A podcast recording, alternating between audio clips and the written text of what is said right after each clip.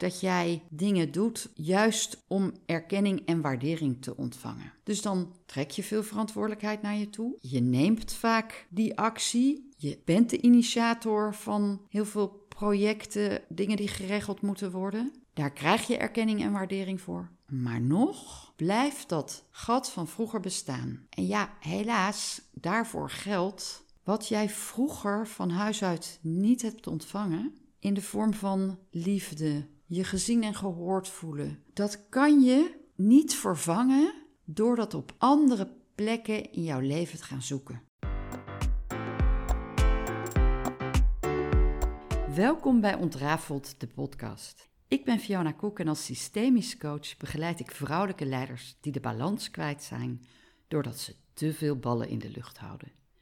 Ik help jou om patronen te ontrafelen, zodat je ook nare ervaringen uit het verleden in de toekomst kunt benutten als kwetsbare zachte kracht. Met Ontrafeld de podcast is het mijn bedoeling om jou te inspireren om je hele zelf te laten zien. Omdat ik geloof dat de wereld daar mooier van wordt. Zoals ik dat ook heb gedaan met mijn boek Ontrafeld, bevrijd door anders te kijken naar mijn patronen. In alles wat ik doe, durf ik tegenwoordig mijn kwetsbare kant te laten zien. En dat voelt vrij. Dat neem ik ook mee in mijn rol als coach. In de show notes vind je een link naar mijn website www.koekcoaching.nl. Vandaag wil ik het hebben over verantwoordelijkheid. Nou, ik zal je eerst vertellen waarom ik het erover wil hebben. Wat is verantwoordelijkheid niet? Wat zijn symptomen van te veel verantwoordelijkheid naar je toe trekken? Hoe kijk ik daarnaar vanuit systemisch perspectief? Hoe kan je je anders verhouden tot verantwoordelijkheid? En tot slot, wat is het wel? Nou, waarom wil ik het vandaag met je hebben over verantwoordelijkheid? Omdat het een onderwerp is wat heel veel aan de orde komt bij de cliënten die ik coach. De mensen die te veel ballen in de lucht houden en daardoor onbalans ervaren, onrustig zijn in hun hoofd. Het zijn allemaal mensen die heel capabel zijn, heel veel verantwoordelijkheid naar zich toe kunnen trekken, maar ook vaak merken: dat doe ik eigenlijk te veel. Dus ik zeg te vaak ja tegen een klus. Ik bied te vaak aan om iets te doen. En zoals een vriendin onlangs tegen me zei, die was uh, naar zo'n uh, geweest, want dat is heel hip. Hè? Nu gaan alle mensen, ik ook trouwens, daar niet van, naar uh, om tot persoonlijke inzichten te komen of leiderschap.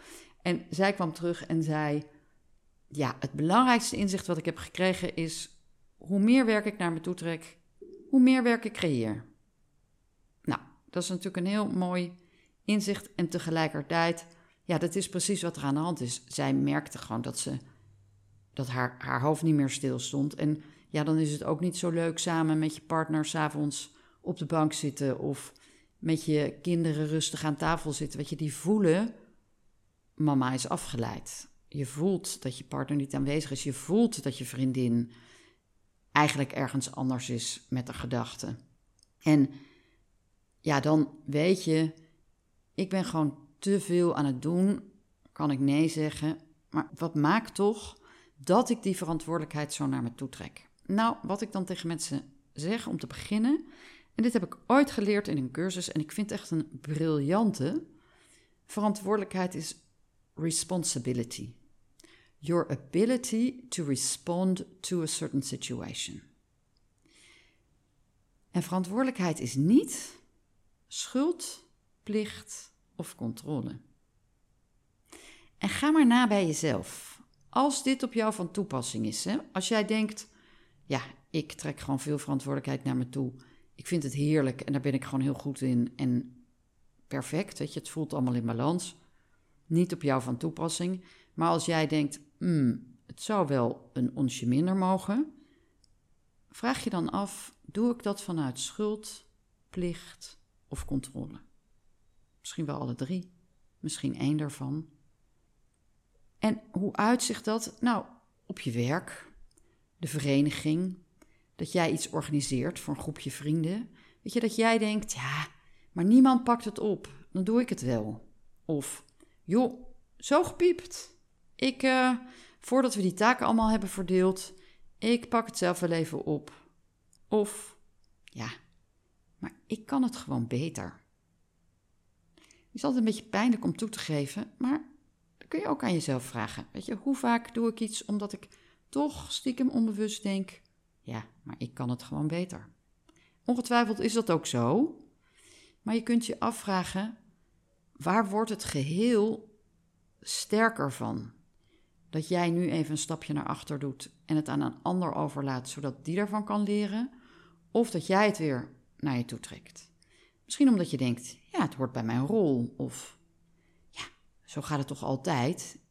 Ik ben degene die dat doet. Nou, als je er last van hebt, hoe uitzicht dat vaak? In de eerste plaats bij heel veel mensen door pijn in het lijf. Misschien heb je last van je schouders. Voel je heel veel stress in je lijf. Last van je rug. Elleboog die vastzit. Weet je, dat je jezelf een beetje op slot zit. Vanuit een soort ja, controledrang. Misschien is het wel zo dat mensen jou er ook vaak op aanspreken. Jij doet zoveel. Die ken ik heel goed. Joh, Vie, laat het los. Nou, ik heb echt een hekel aan dat woord. En dat hoor je wel, komt uit mijn tenen. Ik, um, ik heb het altijd heel um, frustrerend, is dat het juiste woord? Machteloos, frustrerend. Het riep van alles bij mij op als iemand zei: laat het los. Want het zat zo in mijn nature om dingen op te pakken, om dingen naar me toe te trekken. En laten we wel wezen, het is ook een hele oude vriend, dat verantwoordelijkheid naar je toe trekken. Want het levert je ook heel veel erkenning en waardering op. Als jij het niet had gedaan, dan was het niet gebeurd. Als jij het niet had gedaan, ja, dan was het niet zo leuk ingevuld. Doordat jij dit weer zag, daarom hebben we dit met z'n allen kunnen doen. Het is ook een stukje ego-streling. En het is heel fijn, behalve als je er last van hebt. En ja, waarom doen we dat? Dat heeft vaak ook een systemische achtergrond.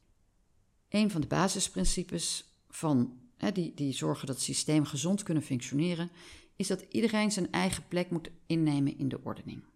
En in mijn online cursus Ontrafeling ontdek je eigen plek vind ik het dan ook logisch dat ik jou daarin vraag om een genogram te maken. Een genogram is een organigram van jouw familiesysteem, jouw familie van huis uit, het gezin waarin jij bent geboren.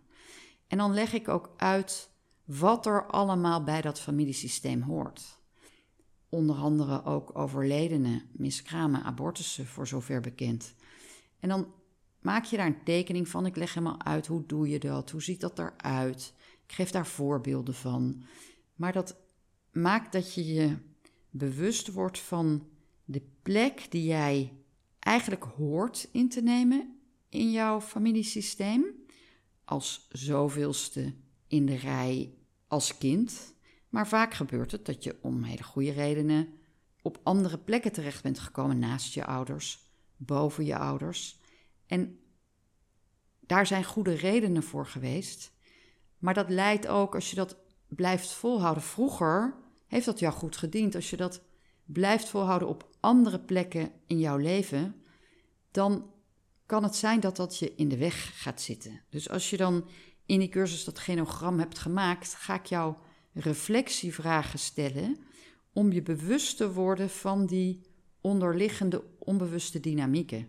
En dat zijn vragen als welke gaves en opgaves heb jij meegekregen vanuit jouw familiesysteem? Over wie of wat werd niet gesproken? Het zijn vaak vragen die heel veel weerstand oproepen. En sterker nog, dan raad ik je ook aan om te beginnen bij de vragen die, nou misschien niet meteen degene die het allermeerste weerstand oproept, maar degene die weerstand oproepen, dat is niet voor niets. Hè? Dat is ook een beetje een soort van bingo, hier is wat te doen voor mij. En ja, we kennen hem allemaal, hè? waar weerstand zit, weerstand geeft, geeft wrijving en wrijving geeft glans. Ja, heel vervelend, maar dat is natuurlijk niet voor niets deze prachtige uitdrukking.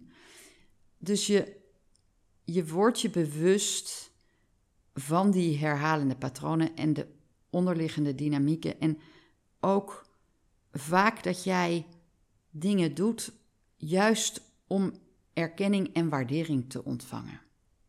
En ja, helaas, daarvoor geldt wat jij vroeger van huis uit niet hebt ontvangen, in de vorm van liefde, je gezien en gehoord voelen, dat kan je niet vervangen door dat op andere plekken in jouw leven te gaan zoeken. Wat overigens een hele logische reactie is. Maar daar zit een soort gat van vroeger. En wat je ook doet op andere plekken, dat gat krijg je niet gevuld. Dus dan trek je veel verantwoordelijkheid naar je toe.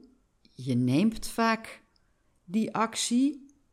Je bent de initiator van heel veel projecten, dingen die geregeld moeten worden. Daar krijg je erkenning en waardering voor.